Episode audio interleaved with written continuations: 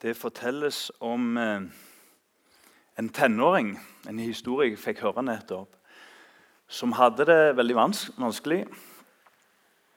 Og syntes særlig at eh, det var vondt å så ofte bli redd. Han var jo blitt ungdom, og ungdommer blir jo ikke redde. Takk skal du ha, ny talerstol, den må vi ha. Og så syntes han rett og slett at livet ble for tøft. Han klarte ikke å håndtere ting. Og særlig det der at han ut av ingenting ble redd. Han fikk hjelp. Det er ikke så lett det å åpne seg opp. Foreldre prøvde å hjelpe, psykologer, skolen prøvde å hjelpe. Og jeg tror de var til hjelp. Jeg vet ikke noe om det. Men jeg vet en ting, og det er at han hadde en bror som var åtte år gammel. Som i et øyeblikk sier til sin bror, for han så dette åtteåringen Så sier han til du har ikke, Når jeg blir redd, så pleier jeg bare å si navnet Jesus. Og så Det var alt. Det var hele vitnesbyrdet.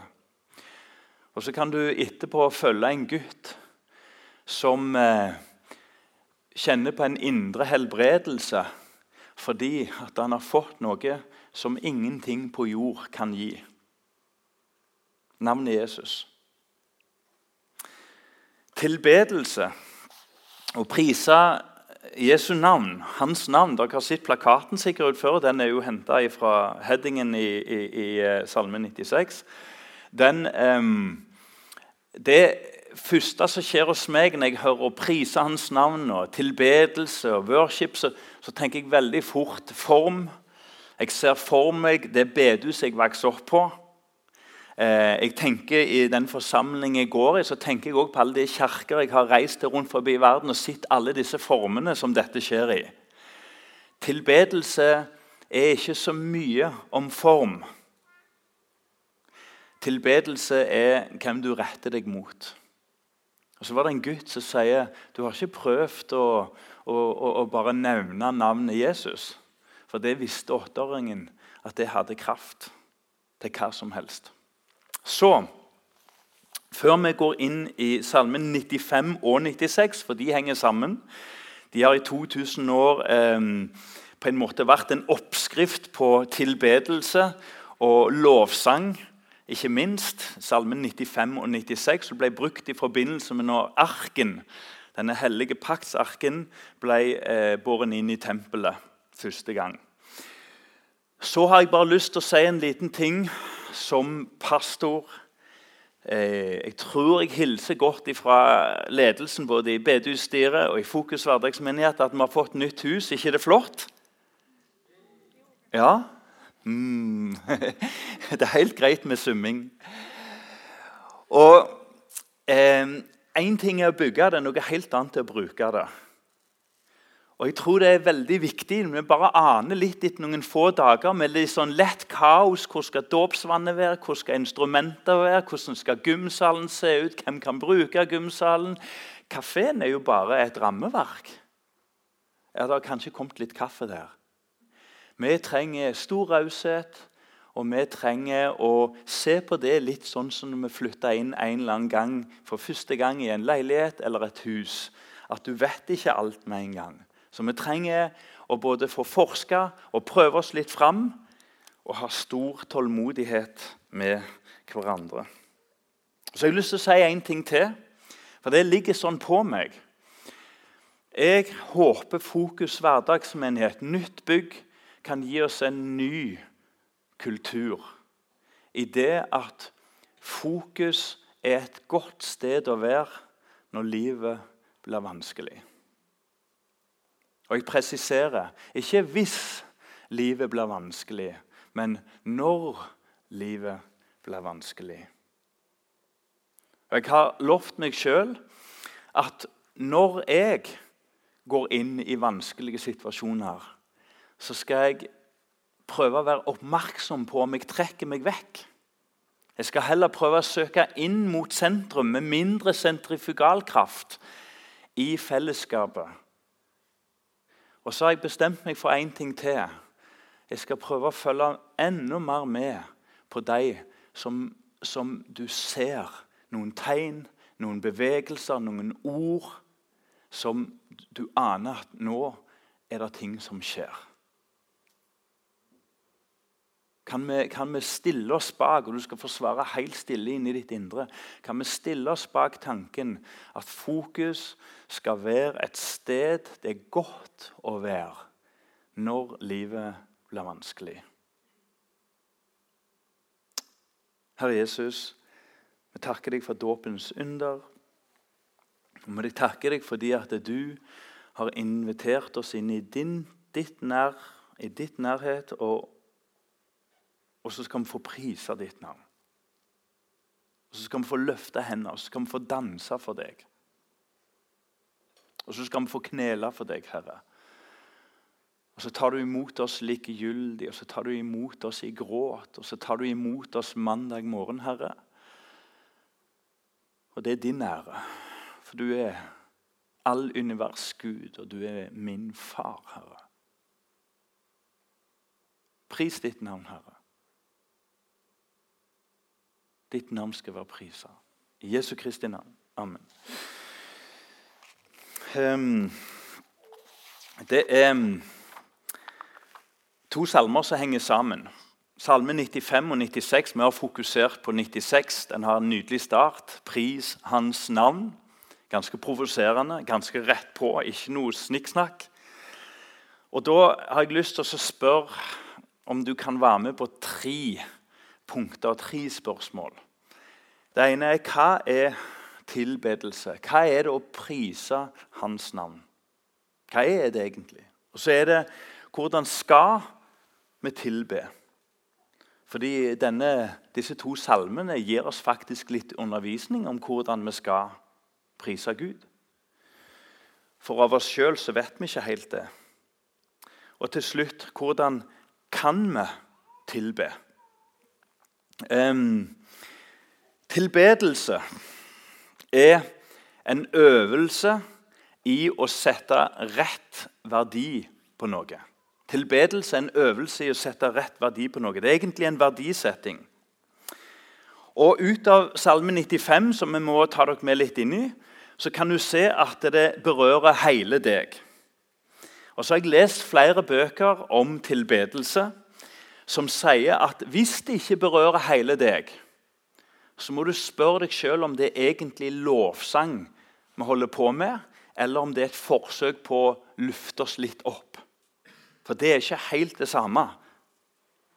Å dra oss i nakken, liksom. Få en liten opptør. Men en sann eh, tilbedelse, den rører ved følelser. Det syns jeg er flott. At Salme 95 starter med 'rop det ut'. Det er ikke snakk om å holde igjen. Det er ikke snakk om å holde igjen. La det komme. La det stå til. Er det noen som har kjent det som meg av og til? At det, jeg er så bonden. Jeg binder meg sjøl. Jeg binder andre. Vi binder hverandre. Og så er vi kalt til Se på David som dansa som om han var i en narkorus. Han mista det fullstendig. Og Jeg tror det er mange mannfolk som kjenner på at det der skulle jeg fått litt mer hjelp til i min barndom. Og sluppet meg litt løs. For det mangler ikke på bindinger. Det er det rikelig av. Til alle. Det rører altså ved våre følelser vers 1 i 95. Vers 6 så rører det ved vår vilje. Det er en viljeside. At det bøy knær. I Hosea kapittel 11 så står det om en gud som er frustrert. for Jo mer en kaller på sitt folk Israel, jo mindre vil de. Og så konkluderer han de ville ikke, stå der. Det er en viljeside.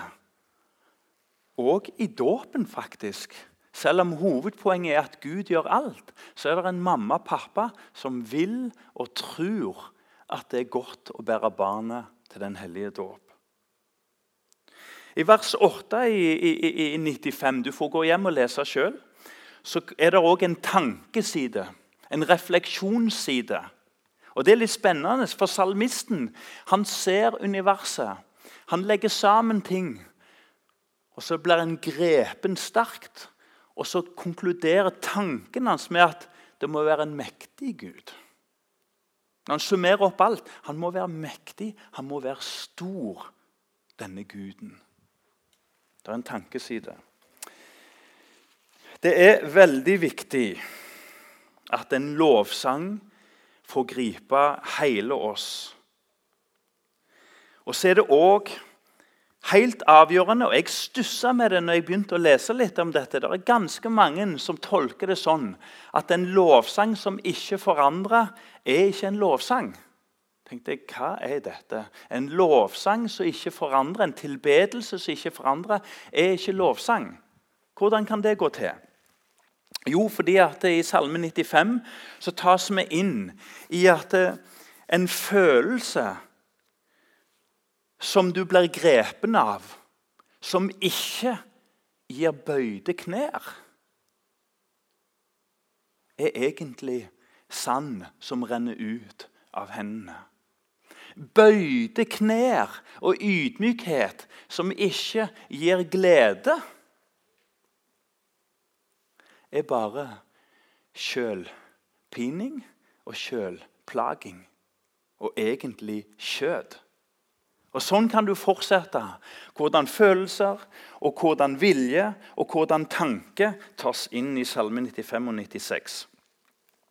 Um, det er òg interessant å spørre oss eh, da hva er altså lovsang. Hva er lovsang? På engelsk så er det jo worthship. Verdisetting. Simpelthen. Så spennende var det. Verdisetting. Tenk dere et eksempel som jeg hørte av Timothy Keller. Eh, han, han, nevner at eh, Se for deg en, en, en dame som har et smykkeskrin. Det har hun arva av sin mor, som har arva det av sin mors og sin mors og sin mors. Og så har det endt da i en eller annen hylle i en eller annen skuffe. Det har alltid vært der, men det er òg alt.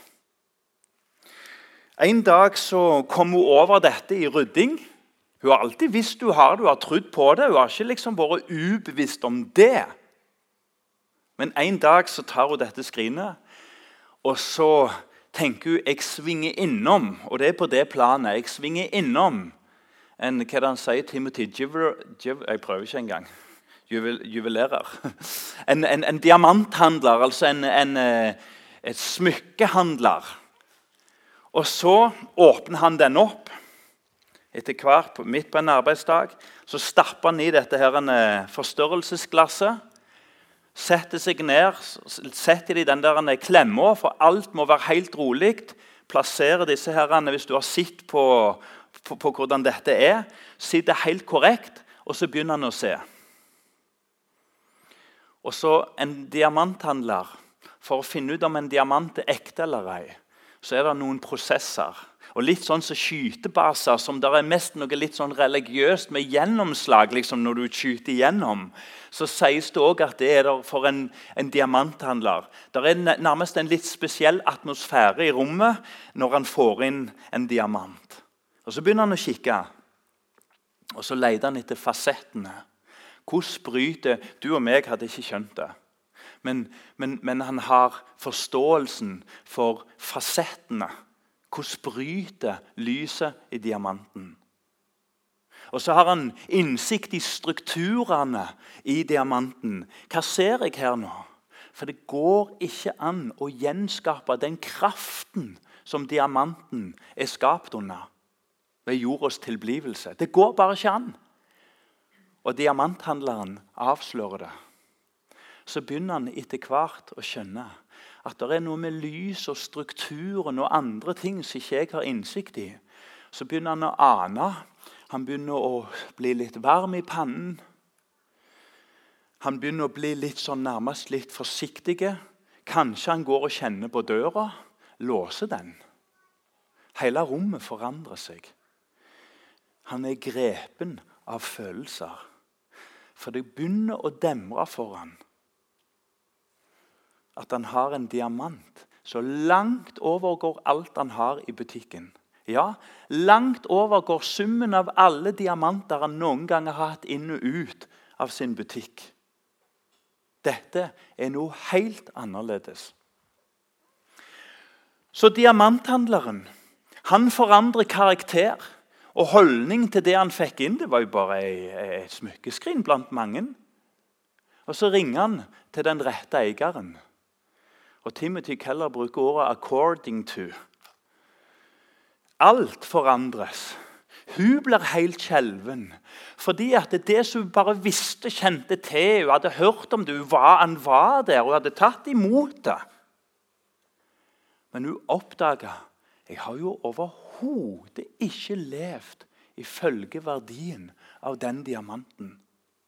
Jeg som trodde jeg var rik. Det blekner. Alt handler om denne diamanten. Følelser, tanke og hele rekkefølgen kommer. Og Det er litt interessant, for akkurat som en diamanthandler så er òg lovsang beskrives i Salme 95-96. Gå hjem og prøv, prøv, det jeg sier.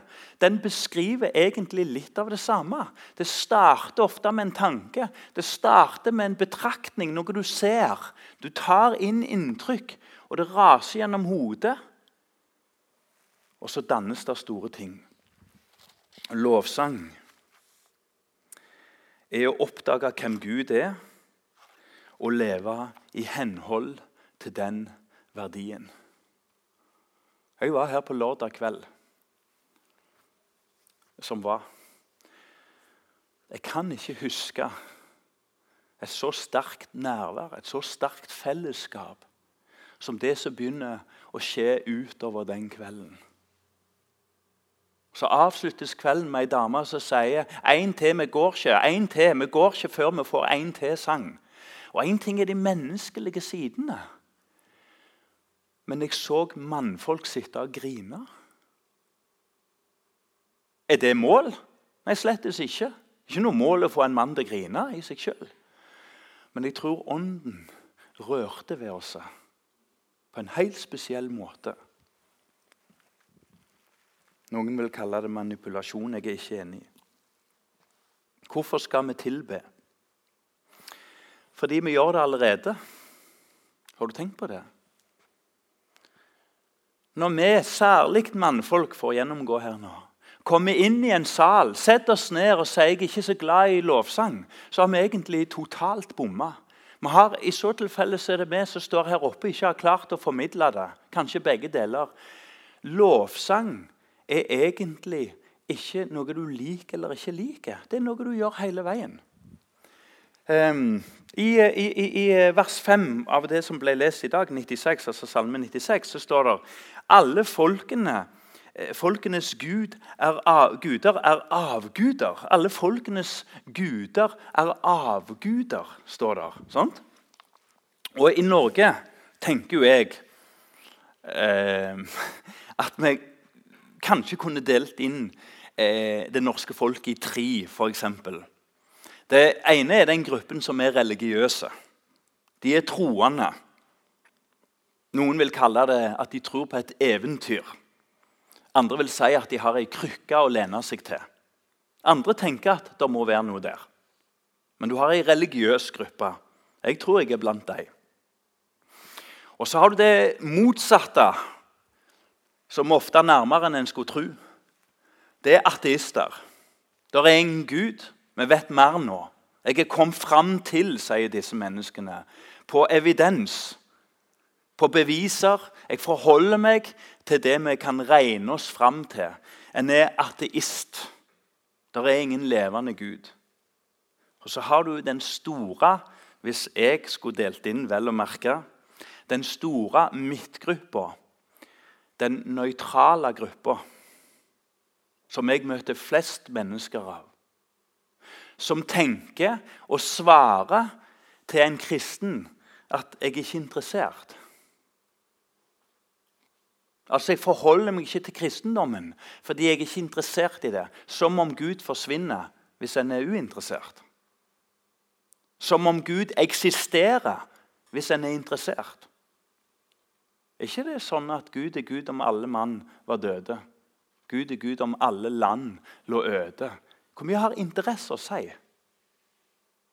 For Gud ingenting.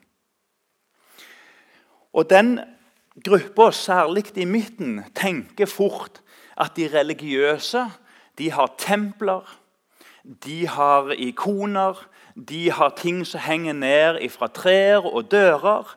Og de kristne har bedehus og kirker og lignende, så klostre osv. Og, og de har bønnerom, har noen hørt om. Lønnkammer. De tilber.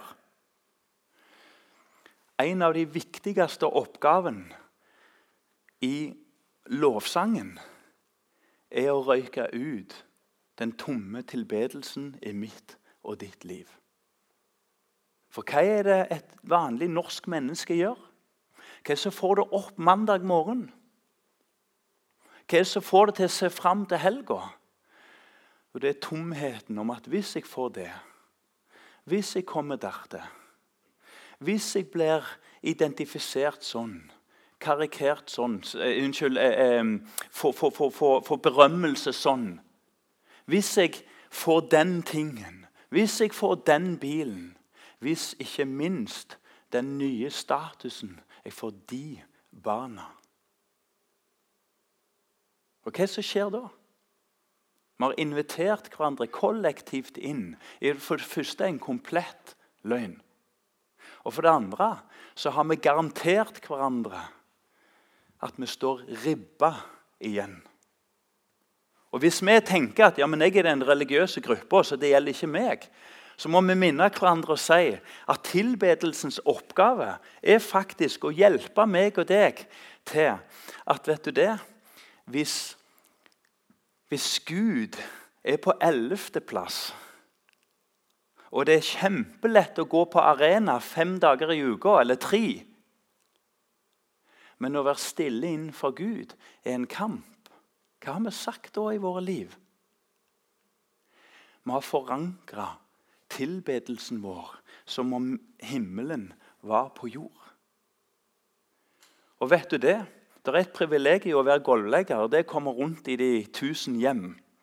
Og Der kan du skikkelig rote det til. Men du kan av og til òg se voksne folk som fortsetter år ut og år inn som et narkotikum. At da, der framme, da skal jeg bli lykkelig. Og så begynner du å ane at den egentlig faller sammen i skuffelse etter skuffelse. Så tenker noen ja, men det var et mørkt, det var å tegne et mørkt bilde av livet. Ja, men hva var det? Den største kongen av alle, Salomo, vises det i hvert fall. Hva var det han sa? Han som hadde alt. Det er ingen konge som har hatt det som Salmo. Det er ingen som har vært så respektert. De reiste jo land og strand for å ta lærdom av dette kongeriket. Alt er tomhet, sier han. Alt er tomhet. For når Gud ikke får førsteplassen, så blir til og med familien din vanhelgelse. Til og med det kjæreste du har, blir skuffelse på livets siste dag. Det er jo dette som er lovsangens første oppgave. Det er til å røyke ut tomheten. Og Så vil, må vi jo da spørre oss litt hva, hva skjer videre da? Jo, fordi at eh, vi kontrollerer ikke våre liv, sier egentlig salmene her. Vi kontrollerer ikke våre liv. Det er det du tilber, som kontrollerer deg. Er du uenig? Det er det du dras mot, som egentlig gis makt i mitt og ditt liv. Lovsang er å oppdage hva du allerede tilber, og så er det hjelp til å rette blikket oppover til noe større. Hvordan kan vi tilbe? Jo, jeg vet ikke om jeg er rette mann til å si det. For, for jeg, jeg, tenker at vi skal, vi skal, slippe litt den der tanken om lovsang. Skal de stå sånn? Skal vi ha instrumenter? Skal vi ikke? La oss legge vekk litt det. Fordi at, eh, La oss lære av det åtteåringen som tilba Gud gjennom, gjennom å si til broren sin du skulle tenkt på Jesus når det blir vanskelig. Jeg klarer ikke å se for meg en dypere lovsang enn åtteåringens tilbedelse av Gud. Ja. Så la oss glemme litt liksom, akkurat hvordan det ser ut på en scene. Hvordan skal vi tilbe? Jo, for det første så er det flertall. Det er fellesskap. Lovsang er fellesskap. Kom, la oss tilbe Gud. Og Jeg har lest flere som skriver at lønnkammeret er egentlig et sted å forberede seg på å møte andre. Og Når lønnkammeret ikke blir brukt, så drar du det med deg i møte med andre. Når lønnkammeret blir brukt, og sangen og prisen og lesningen av Guds ord og bønnene fyller våre liv, så drar vi det inn, og så møter oss. Og så er det ikke jeg, meg.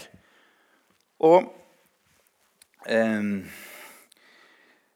jeg, jeg, jeg, har hørt om altså C.S. Lewis. Det fortelles at han, de var tre venner som egentlig Mye av det Louis forkynte, på en måte vokste fram i dette fellesskapet. Bønnefellesskapet og samtalefellesskapet med disse tre vennene. En dag så dør eh, altså Det var, det var eh, Ronald og Charles som var venner. En dag så dør Charles, og da tenkte Ronald eh, Da tenkte Louis at nå skal jeg få mer ut av Ronald. For jeg føler liksom, Han kjente på at Ronald ble liksom litt nummer tre. Han fikk aldri god nok tid. Og nå blir, det, nå blir, det, oss to. Nå kan vi få en dypere relasjon. Så gjorde Louis en veldig interessant oppdagelse. Etter Ronald død fikk han mindre av den han satt igjen med. For det var Ronald som satte fasetter og bidro med ting inn i fellesskapet. Er ikke det interessant? Diversity det er når vi er forskjellige det er når vi evner å slippe oss løs og la gavene komme fram, og folk får lov å være eh, den de er, sånn at vi plukker det som skal plukkes, og løser det som skal løses. Hvis du ønsker en mer homogen menighet, så håper jeg ikke du lykkes i Fokus hverdagsmenighet. Vi må sette fasetter på hverandre. Vi må, vi må, se ulike ting i hverandre og elske det fram. Og vet du hva? Det er en åndelig øvelse, for å se det rett ut. Jeg har tre små punkter igjen. Sannhet. Når vi skal tilbe Gud, så skal vi tilbe ånd og sannhet. Og Det syns jeg er en veldig god måleenhet. For hva er god lovsang? Hva er god forkynnelse? den skal prøves først og fremst. Det er ikke uinteressant hvordan vi kler oss, det er ikke uinteressant hvordan vi står. Men først og fremst så skal vi tilbe Gud i ånd og sannhet. Og Derfor så må Aslak slutte å si ammen, og så må dere si ammen. Eller la være. Um, å strippe Gud, sannhet, å strippe Gud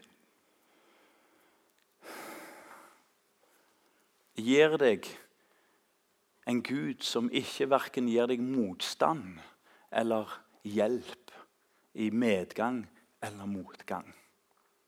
Det er fristende å tegne et bilde av Gud som passer din personlighet, din oppvekst, din kirketradisjon. Men det er ikke det vi er kalt til. Vi er kalt til å komme foran Guds trone, slippe alt det der og se hvem er du, far?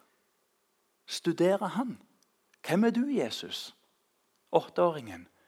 Du skulle tenkt litt på Jesus når du ble redd. Um, hvis sannheten på en måte ikke blir nøye for Guds folk lenger, bekjennelsen blir liksom sånn uviktig, så skjer det noe. Vi isolerer oss sjøl. Har du tenkt på det? Jeg hørte en som trakk et eksempel om at jeg kan faktisk dra til eh, et hvilket som helst land i Asia, Afrika, og møte en kvinne, en mann. Og når vi bøyer oss for Guds ord, Så selv om de kulturelle forskjellene, alderen, alt språket er totalt forskjellig, så er vi umiddelbart brødre og søstre.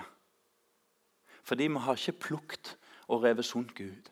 Og Det er så mange som får det vanskelig med å gå i en forsamling fordi en blir innhenta av sitt eget personlige bilde av Gud. Og så klarer en rett og slett ikke å forholde seg til andre. Så den må tilbes i sannhet. Og så er det to nydelige synes jeg, punkter igjen til slutt. Gud må tilbes i ånd òg. David sier jo Det blir vel David, ja. jeg tenker. David sier, sier i, i, i, Salme 39 at Gud er overalt. Allestedsnærværende. Det er et svært fag i teologien. Alt i alle. Fylle, fylle alt. Det sier David. Men den samme mannen, hvis, hvis ikke jeg roter nå, sier i Salme 51 Cast me not away from thy presence, O Lord. Kast meg ikke vekk fra din nærhet og Gud. Og Så har jeg gjort sånn som vi skal gjøre i andagslære. Hva var det du ville si, Aslak? Jeg har i hvert fall tenkt på det. Hva var det du ville si, Aslak? Jeg tror noe av det viktigste jeg hadde lyst til å dele i dag, at i dag kaller ikke Gud oss inn til en stil, en form. Han kaller oss ikke inn til at Gud er overalt, men i dag kaller oss inn til et barneforhold. Sånn som vi så og lærte av et barn som blir båren. Der vi gjorde ingenting, og Gud gjorde alt. From thy presence, O Lord. Jesaja han sier i 64 at eh, du er så hellig at fjellene i din nærhet vil smelte. Og dette er det Gud kaller oss inn i. Og dette er det mennesket av sin natur frykter aller mest. Å komme inn fra Gud. Men i Jesus Kristus så inviterer vi ikke til å stå med, med, med knærne litt spist og ydmyke oss, eller med hender i været, fordi vi tenker at Gud tar imot oss best sånn eller sånn. Nei, vet du hva? Innenfor Guds trone så skal vi få komme ikledd Kristus. Og vi skal komme med frimodighet. Er ikke det spesielt? Tenk deg Moses, som, som, som, oppdager at han må ta av skoene fordi at han står på hellig grunn. Og Han er livredd, for han har sett Herren. Han visste at ingen kan se Herren og leve. Og så lever vi i den fullkomne pakt. Vi må bruke disse ordene i den fullkomne pakts tid. For vi skal ikke bare erfare at Gud er der, men han skal komme helt inn. Vi skal få komme helt inn hans nærhet. Og Til slutt da, så måtte det bli noe om hvile. I Salme 96 det er egentlig en litt sånn frustrerende salme. 95 det er en frustrerende salme fordi at den begynner med jubel og pris, lovprisning og, og, og holdt jeg på å si, rop det ut. Pris hans navn, syng hans navn. Og så er det skikkelig partybreaker. Eller, eh, altså, det er akkurat som å hive ei brannbombe inn i, i, i, den gode stemningen. Når salmisten sier 'Husk på mitt folk i ørkenen'. Husk på mitt folk i ørkenen. De fikk aldri hvile. Jeg inviterte de til hvile. Nå kan dere komme fram som synger. Jeg inviterte dere til hvile. Men dere ville kave og streve. Hvis lovsang nå er nok en prestasjon, nok et tiltak, så har vi bomma 100% Folket i Israel slapp ikke inn fordi de vanærte hviledagen og hvilen innenfor Guds alter. Og nå inviteres du akkurat i dette øyeblikket, kanskje for første gang på lang, lang tid, for endelig å få kjenne at du er et barn. Og så får du legge alt du identifiserer deg først og fremst med, vekk. Og kanskje kan denne sangen få være til velsignelse for deg nå.